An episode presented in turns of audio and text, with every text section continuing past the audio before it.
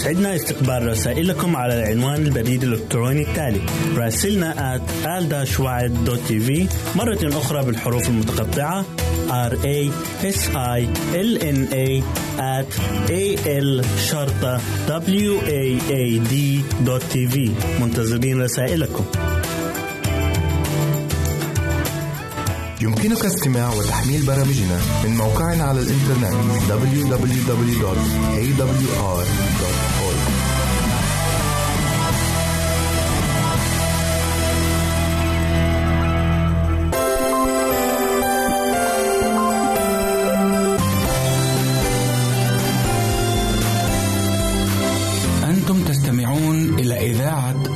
الوعد.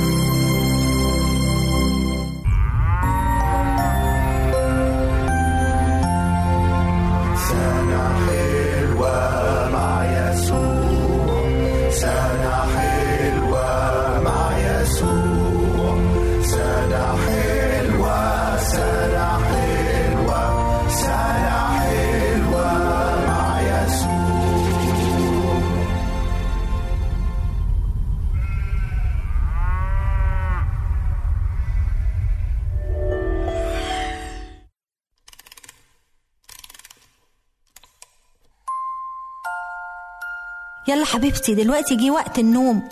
مامي إحنا إمتى نزين شجرة الكريسماس؟ هننام دلوقتي وبكرة الصبح نزينها مع بعض. وهنعمل مزود كمان. هو بابا يسوع هيجي ينام في المزود ده؟ حبيبتي هو مش محتاج يجي جوه المزود عشان هو أصلا ساكن جوه قلبك الجميل ده.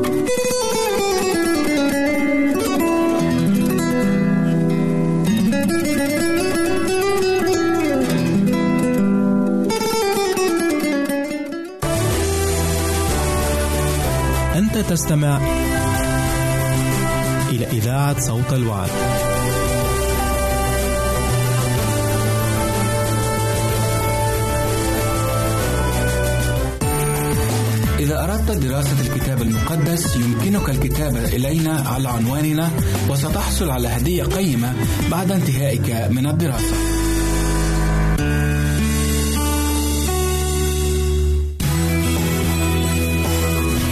يمكنك استماع وتحميل برامجنا من موقعنا على الإنترنت www.awr.org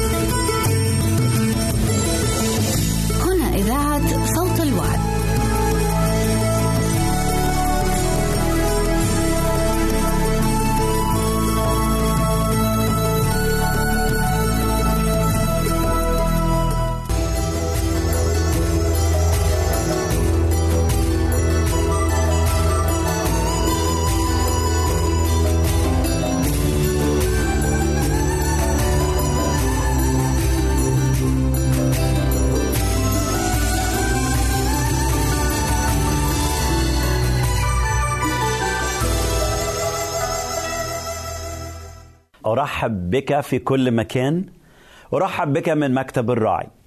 يوم رائع أن إحنا نلتقي معا في حلقة جديدة ويوم جديد عندما نجلس جميعا كأولاد الله وبنات الله عند هذا المكان الرائع عند أقدام شخص ربنا يسوع المسيح. معلمنا الكريم راعي نفوسنا وأسقفها صديقي برحب بيك في كل مكان برحب بيك في كل مكان. تعالوا مع بعض نقعد قعدة حلوة وإحنا بنسمع كلمة الإنجيل وكلام مخلصنا وفدينا شخص الرب يسوع المسيح. أحبائي في الحلقات الماضية اتكلمنا في إطار ثمار الحياة الجديدة. اتكلمنا عن حب جارف لكلمة الله واتكلمنا كمان بدأنا مع بعض عن حب جارف لشخص المسيح. وما أروع أحبائي أن يكون لنا هذه الشركة والعلاقة الجديدة. لما واحد يكون مشتاق على إنسان وبيحبه قوي قوي قوي وتعرف عليه معرفة عميقة بيبقى دي يتلذذ بوجوده مع هذا الشخص. عشان كده اتكلمنا مع بعض عن هذه العلاقة اللي كنا نفتقدها جميعا وما كانش لينا اطلاقا أي ارتباط بيها قبل ما نتعرف على الرب يسوع مخلص. لكن ليه كل المجد؟ لما عرفناه مخلص صار لنا شخص ربنا يسوع المسيح المحب الكريم المبارك صار لنا أحبائي فاديا ومالكا صار لنا معلما ومرشدا صار لنا أخا ومحبا صار لنا رفيقا ومعزيا بل صار لنا وسيطا ومعزيا. تعال نتكلم مع بعض النهارده عن صفة جديدة جميلة قوي قوي من الصفات الرائعة اللي ابتدينا نختبرها وابتدينا نعيشها مع الرب يسوع. صدقوني ما كنا نعرفها قبل كده. كانت حياتنا مليانة بالشكوى مليانة بالألم مليانة بالضيق. أي مشكلة تيجي في حياتنا كنا بنشكي ونتألم. يعني أنا بعرف ناس كتير أحبائي. مروا بظروف آلام كتيرة وما كانش جوه أفواههم غير الشكوى غير الألم غير الإحساس بان الله إله لا يسمع الله إله لا يرى الله ما بيحسش بينا. اتقابلت لسه يمكن علشان أكون أمين معاكم اتقابلت امبارح بإنسانة أو أول امبارح بإنسانة في السويد في منطقة منطقة في السويد وقعدت معاها ولقيتها مليانة بالمرارة والألم. مليانة بالضيق قد إيه لأنه كانت فقدت إنسانة عزيزة على قلبها وحست إن الله ده إله ظالم. الله ده ما بيحسش بينا. طب ليه بيعمل معايا كده؟ ليه الله الكبير الحلو اللي إحنا بنقرب منه وبنسأله وبنحبه وهو عارف ظروفنا وعارف إمكانياتنا ليه هو قاسي علينا كده؟ أحبائي خليني أقول لك النهارده وأقول لك في كل مكان لو أنت بتمر بألم بيعصر نفسك لو بتمر بحيرة جوه ذهنك لو أنت حاسس إن الله بعيد عنك إن اللي بيحصل معاك ده معناه قسوة من الله ده معناه عنف من الله إن الله مش بيحبك. صديقي صدقني ما أروع الله وما أعظم صلاحه. خليني بس هقول لك حاجة صغيرة وأنا بتكلم عن هذه النقطة. النهاردة أنا هكلمك عن إن رب يسوع في علاقتنا الجديدة معاه صار لنا مؤدبا ومقدسا. كلنا ما بنحبش هذا الأمر أحبائي حتى في كنايسنا هذه الأيام. أنا قد إيه بتألم لما بشوف إخوة آه، مؤمنين وأخوات مؤمنات. لما يكون في جانب تأديب كنسي لو أنا عملت غلطة لو أنا عملت آه، جانب معين من الخطايا أو أنا أخطأت في شيء معين وبيكلموني في الكنيسة الإخوة المرشدين أو خادم الله لما يكون إخوة أتقياء بيحبوا المسيح وبيتعاملوا معايا بحب وبأمانة. ويبتدوا يعلموني إزاي إن في تهذيب في بيت الله. إن في في بيت الله آه، آه، آه، تأديب تأديب مقدس. لكن كلنا بنرفض هذا الأمر دلوقتي. أسهل شيء علينا لما إحنا نتواجه بهذا التأديب في بيت ربنا. بنسيب الكنيسة وندور على مكان تاني أو نسيب الكنيسة ونروح بيت نقعد في بيوتنا. حبيبي تعالى قدام الله بهذا المفهوم الجديد.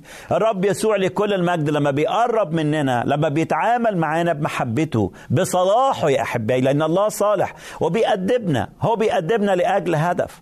احب اسمع الكلام علشان قبل ما أحكي لك القصة اللي عايز أقول لك عنها النهارده. اسمع هذه الكلمات الجميلة الموجودة في رسالة إلى العبرانيين في أصحاح 12 في رسالة العبرانيين في أصحاح 12 يتكلم الوحي المقدس بهذه الكلمات لأن أولئك أدبون أياما بيتكلم عن أبائنا. كل واحد ليه أب وكل واحد ليه أم. للأسف في ناس آه، آه، أبائها وأمهاتها كانوا كانوا بيضربونا. أنا بابا كان أحيانا يضربني وكان يضربني لأجل شيء غلط أنا عملته. وأنا بشكر الرب لأجل هذا الجانب من التأديب لأن كان بيضربني لأجل سبب غلط أنا عملته. ولما كبرت أكتر شيء بحبه في حياتي لأنه نجحت في حياتي الزمنية وحياتي الروحية بسبب إيد بابا اللي كانت بتضربني. كان بيضربني لأنه بيحبني. ما كانش بيضربني علشان هو كان بيضطهدني أو كان بيضربني علشان هو بيكرهني أو بيضربني علشان هو بيحتاج حاجة مني لكن كان بيضربني لأنه بيحبني. وأنا بقول النهارده للأبناء اللي هم لو في يد آب ضربت لو في يد آب آه، قدمت تأديب اوعى يصعب عليك لأنه يد الآب لما بيتادب يد محبة. لو أب مؤمن أمين لو أب بيحب ربنا وبي وقد إيه كلمة ربنا ساكنة في قلبه هو بيكلمني أو بيأدبني ابائنا بيأدبونا لأجل المنفعة عشان بينفعونا عشان بيحاولوا يخلوا حياتنا مستقيمة. خلينا نقرأ الكلام ده بنشوف التأديب بطريقة صحيحة. لأن أولئك أدبونا أياما قليلة. بيتكلم عن الأب بابا دلوقتي في السماء. ولما اتكلم معايا بلغة التأديب وتعامل معايا بلغة التأديب كانت أيام قليلة. وكان وقت قليل لكن لكن سمعت صوته وقد إيه؟ ابتدى يقوم حياتي لأن أولئك ادبونا اياما قليلة حسب استحسانهم. يمكن مرة من المرات بابا ضربني أو حاول يأدبني آه، بحاجة حسب استحسانه كانت كويسة لكن ما كانتش حسب ذهني أنا مظبوطة. ويمكن ناقشت بابا فيها بابا أنت ضربتني على حاجة الواجب ما تضربنيش عليها.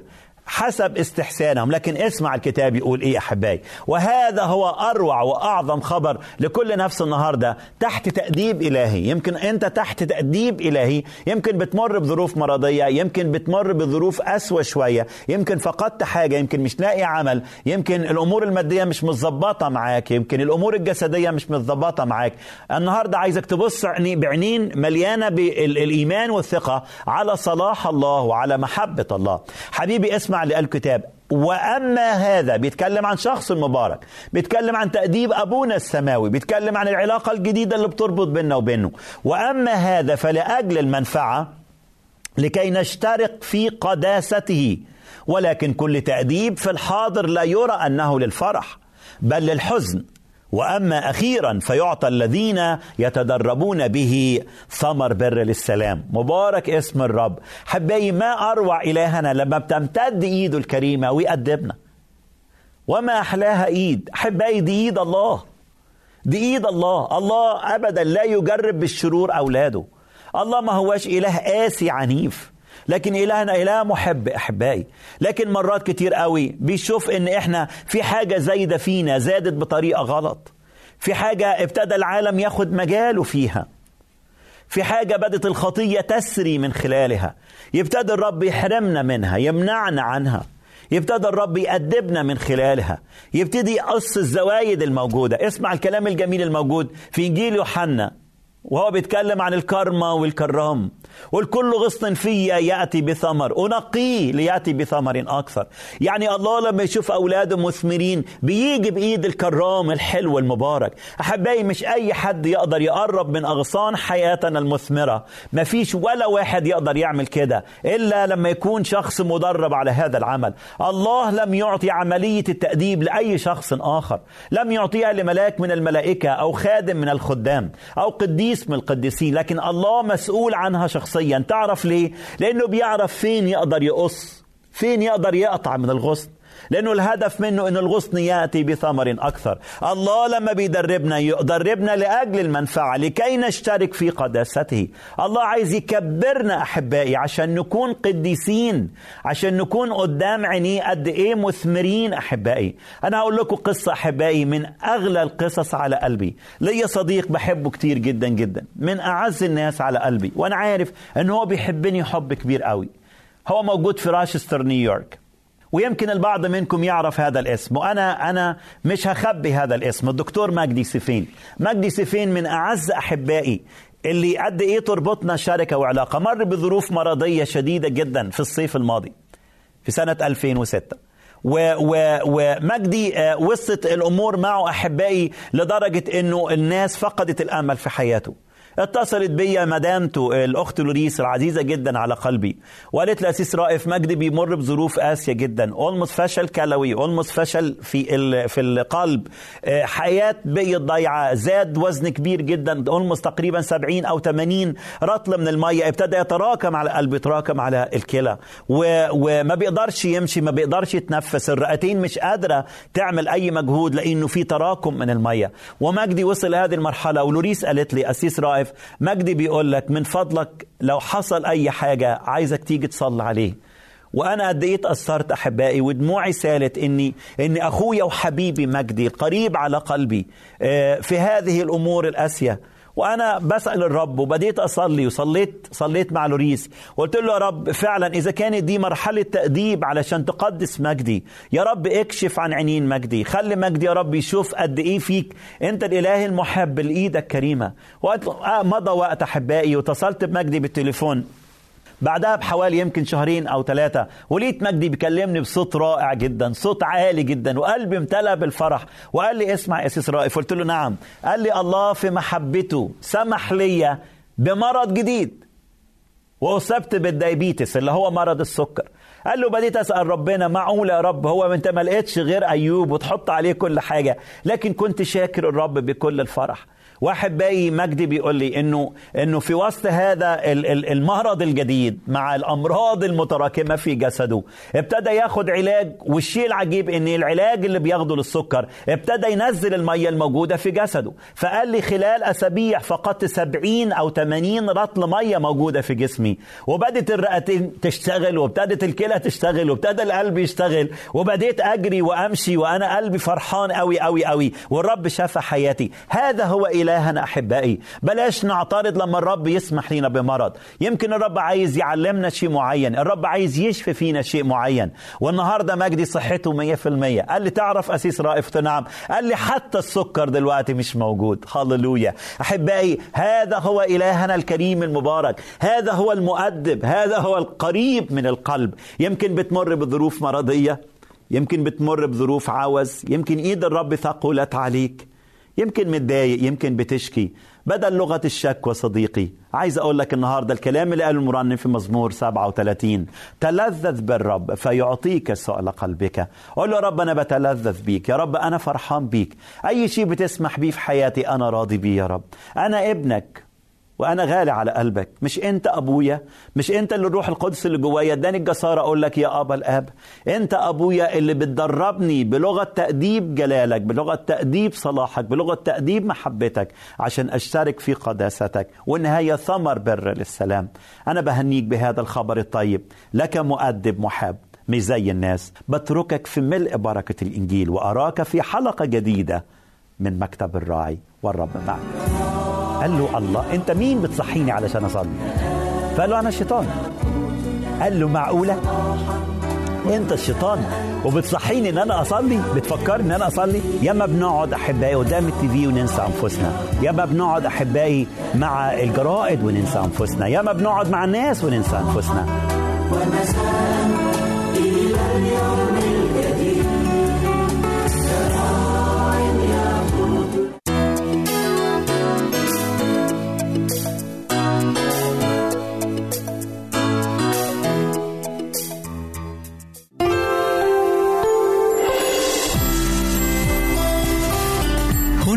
صوت الوعد. لكي يكون الوعد من نصيبك. أعزائي المستمعين والمستمعات يسعدنا استقبال رسائلكم على العنوان البريد الإلكتروني التالي راسلنا at مرة أخرى بالحروف المتقطعة r a s i l n a at a l شرطة w a a d منتظرين رسائلكم. يمكنك استماع وتحميل برامجنا من موقعنا على الإنترنت www.awr.org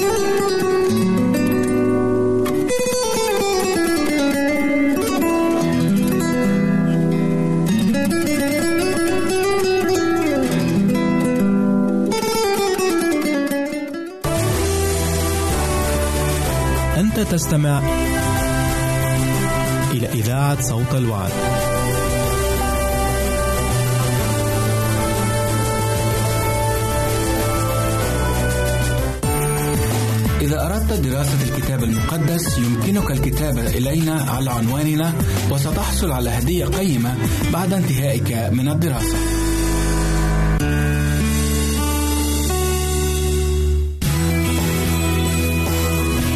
يمكنك استماع وتحميل برامجنا من موقعنا على الإنترنت www.awr.org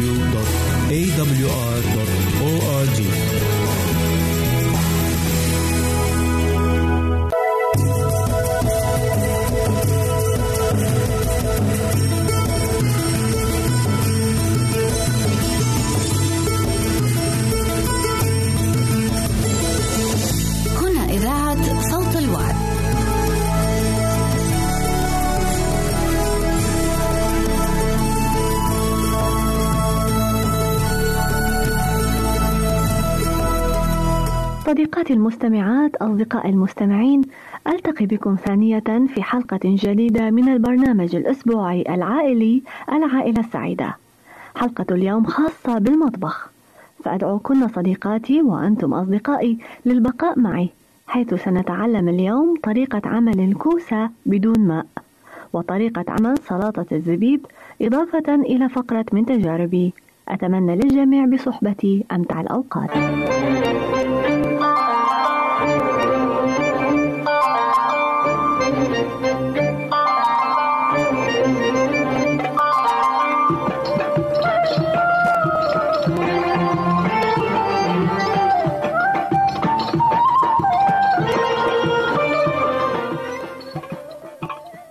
مقادير طبق الكوسة بدون الماء هي كالآتي.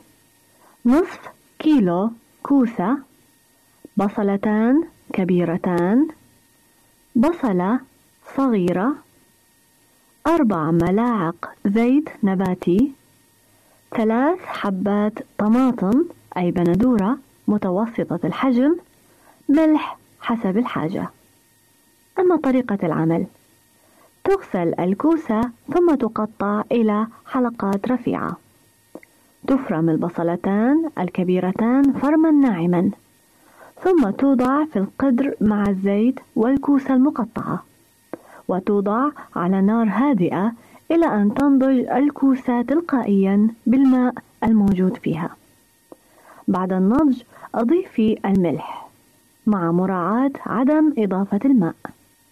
ضعي الكوسة المطهوة في وعاء عميق. قطعي البصلة الصغيرة الباقية إلى حلقات مع البندورة وضعيها حول طبق الكوسة للتزيين بحيث تكون حلقة من البصل وأخرى من الطماطم. ويمكن إضافة قليل من الحمص المسلوق إلى الطبق. يقدم هذا الطبق مع البطاطا بوريه.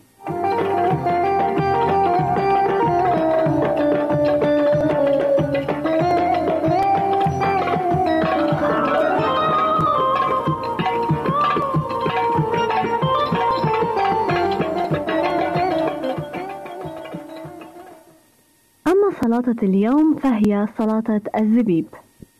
المقادير 200 غرام خس 50 غرام جرجير 50 غرام زبيب 50 غرام صنوبر ملعقتان كبيرتان من الخل ثمانية ملاعق كبيرة زيت زيتون وملح حسب الرغبة. أما طريقة العمل اغسلي الخس والجرجير وصفيهما ثم قطعيهما. انقعي الزبيب في ماء بارد لمدة ساعة ثم اغسليه وجففيه. امزجي الملح مع الخل في فنجان ثم أضيفي الزيت مع التحريك المستمر. ضعي الخس والجرجير والصنوبر والزبيب على شكل هرم ثم صبي فوقه الخل بالزيت المخفوق جيدا وقلبي السلطة وقدميها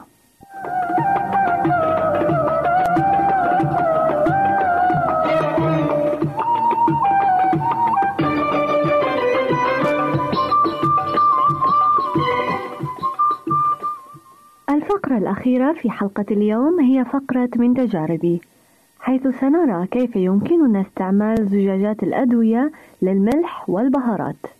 وكيف نحتفظ بعصير بارد خارج الثلاجة.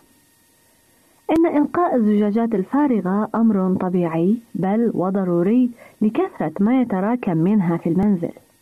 ولكن ترك البعض منها جانبا يفيد الأهل والأطفال معا. مثلا الزجاجات الصغيرة الحجم والتي تحتوي على سدادات بلاستيك تعمل بواسطة الضغط يمكن أن تتحول إلى ممالح ومباهر. وفي الوقت نفسه تشغل الأطفال البيت في أوقات فراغهم حيث تعطى لكل طفل علبة فارغة مغلقة مثقوبة سداداتها عدة ثقوب بإبرة معدنية ساخنة. فيقوم الأولاد بتلوين العلبة بالرسوم والألوان التي يحبونها كما يستطيعون زخرفتها بالورق الملون اللاصق.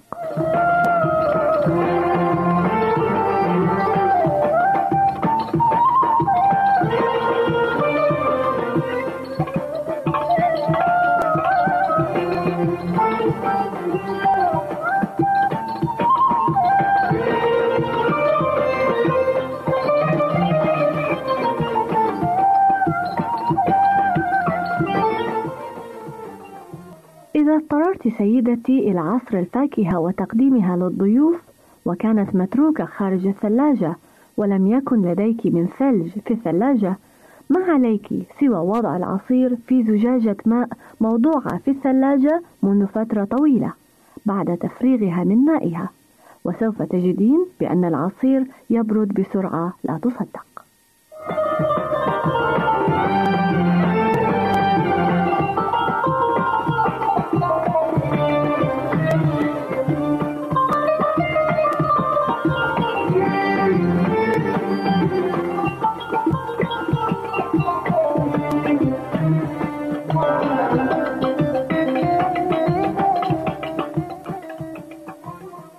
عزيزاتي المستمعات أعزائي المستمعين أرجو أن تعلموني بآرائكم حول برنامج العائلة السعيدة واقتراحاتكم حول تطوير هذا البرنامج. كما أرحب بمساهماتكم بهذا البرنامج من خلال إرسال بعض الوصفات الغذائية النباتية وبعض التجارب لنشارك مستمعينا الكرام بها. حتى ألتقي بكم في الأسبوع القادم وحلقة جديدة من برنامجكم الأسبوعي العائلة السعيدة. هذه أحلى تحية مهداة لكم من رغدة سليم وإلى اللقاء.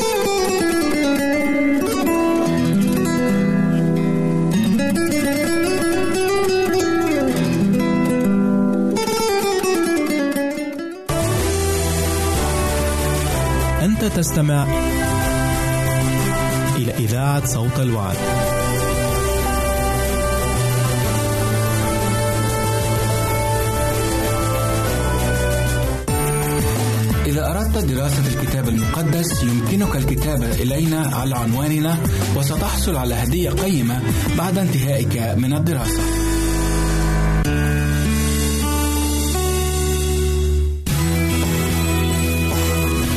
يمكنك استماع وتحميل برامجنا من موقعنا على الإنترنت www.awr.org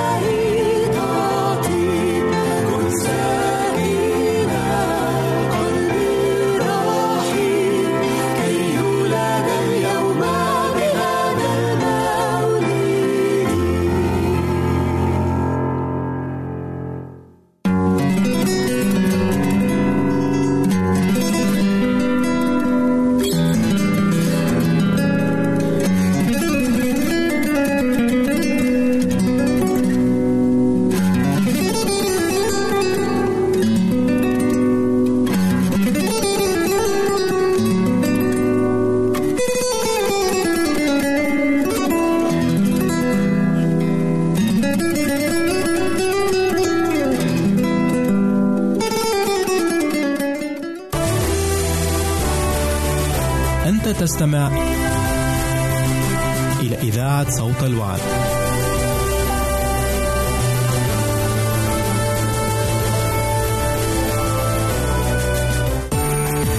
إذا أردت دراسة الكتاب المقدس يمكنك الكتابة إلينا على عنواننا وستحصل على هدية قيمة بعد انتهائك من الدراسة.